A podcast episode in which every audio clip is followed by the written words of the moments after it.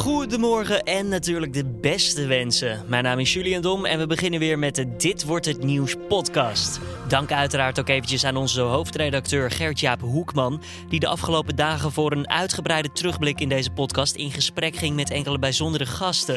En vanaf vandaag pak ik samen met mijn collega Carne van der Brink de podcast weer op die je van ons gewend bent. En dus daarom nu eerst kort het belangrijkste nieuws van nu.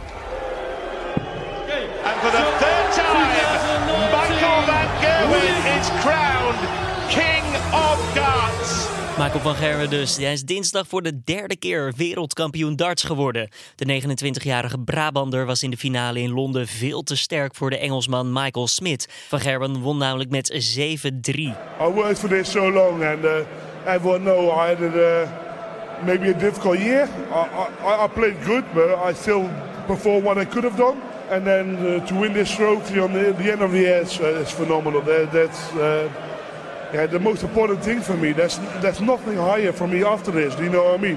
Yeah, of course the family, but first it, but it's it's insane. This is uh, this means a lot to me. Mighty Mike won eerder al in 2014 en 2017 het belangrijkste toernooi van de dartsbond PDC. In 2013 stond hij ook in de finale, maar toen was de inmiddels gestopte Phil Taylor, ook bekend als The Power, hem de baas. Van Gerwen was gisteren de grote favoriet in de eindstrijd, aangezien hij van de 31 eerdere partijen die hij tegen Smit speelde er liefst 25 had gewonnen. En bovendien stond de 28-jarige Engelsman voor het eerst in de finale van het WK. De Amerikaanse grenspolitie heeft dinsdag opnieuw traangas gebruikt om migranten bij de grens tussen Mexico en de VS tegen te houden. Een groep van 150 migranten verzamelde zich oudejaarsavond bij de grens in de Mexicaanse stad Tijuana. Ze hoopten dat de Amerikaanse veiligheidsmaatregelen vanwege oud en nieuw waren teruggeschroefd. Toen mensen na middernacht probeerden om de grens over te gaan, schoot de grenspolitie traangasgranaten Mexico in.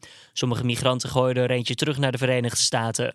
Volgens de grenspolitie werd een deel van de migranten agressief en probeerden ze agenten ook aan te vallen. Zo zouden er onder meer spullen naar agenten hebben gegooid. De Amerikaanse ruimtesonde New Horizons is dinsdag voorbij een asteroïde gevlogen, zoals de bedoeling was.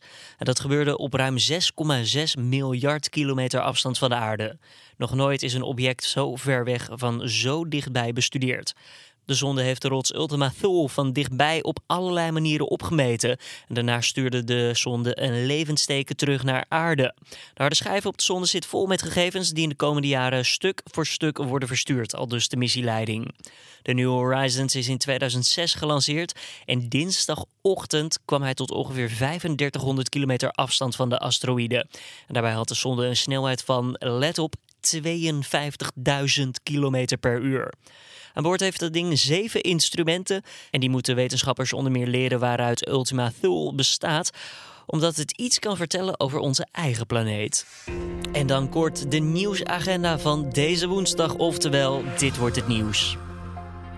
De gooier van de vuurwerkbom naar Ajax-keeper André Onana verschijnt voor de rechter.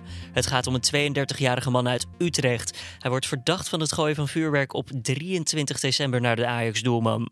Het OM verwijt hem poging tot zware mishandeling en bedreiging. Ajax won uiteindelijk de wedstrijd tegen FC Utrecht met 3-1. Een 48-jarige Nijmegenaar hoort woensdag zijn vonnis in de zaak. Die draait om het jarenlang misbruiken van een zwakbegaafd stel. Michael A. zou de mensen zeven jaar lang hebben geterroriseerd. Hij zou ze hebben mishandeld en bedreigd. Hij eiste dat ze voor hem kookten en wasten. Het Openbaar Ministerie heeft een celstraf van vijf jaar en TBS met dwangverpleging geëist. Als de rechtbank geen TBS wil opleggen, eist het OM een celstraf van negen jaar tegen A. In Scheveningen wordt de boulevard vandaag verder opgeruimd na het uit de hand gelopen vreugdevuur tijdens de jaarwisseling. Door de harde wind ontstond er een vonkenregen en brak op meerdere plekken brand uit. Volgens burgemeester Paulien Krikke van Den Haag hielden de bouwers zich niet aan de afspraken over de hoogte van de vreugdevuren. En dan het weer voor deze woensdag 2 januari. Het wordt vandaag een beetje kouder dan gisteren, namelijk 5 tot 7 graden. En verder is het weerbeeld grotendeels hetzelfde hoor. Wisselend bewolkt met hier en daar een klein buitje. En vooral in het oosten is de kans op zonneschijn groot. En dan nog even dit. Er waren de afgelopen jaar 10% minder grote storingen op het spoor. Dat meldt de Telegraaf. Het aantal grote storingen daalde van 627 stuks naar 558. Wel staat een terrein vaak langer stil bij echte knelpunten. ProRail wil daar dit jaar dan ook de nadruk op leggen.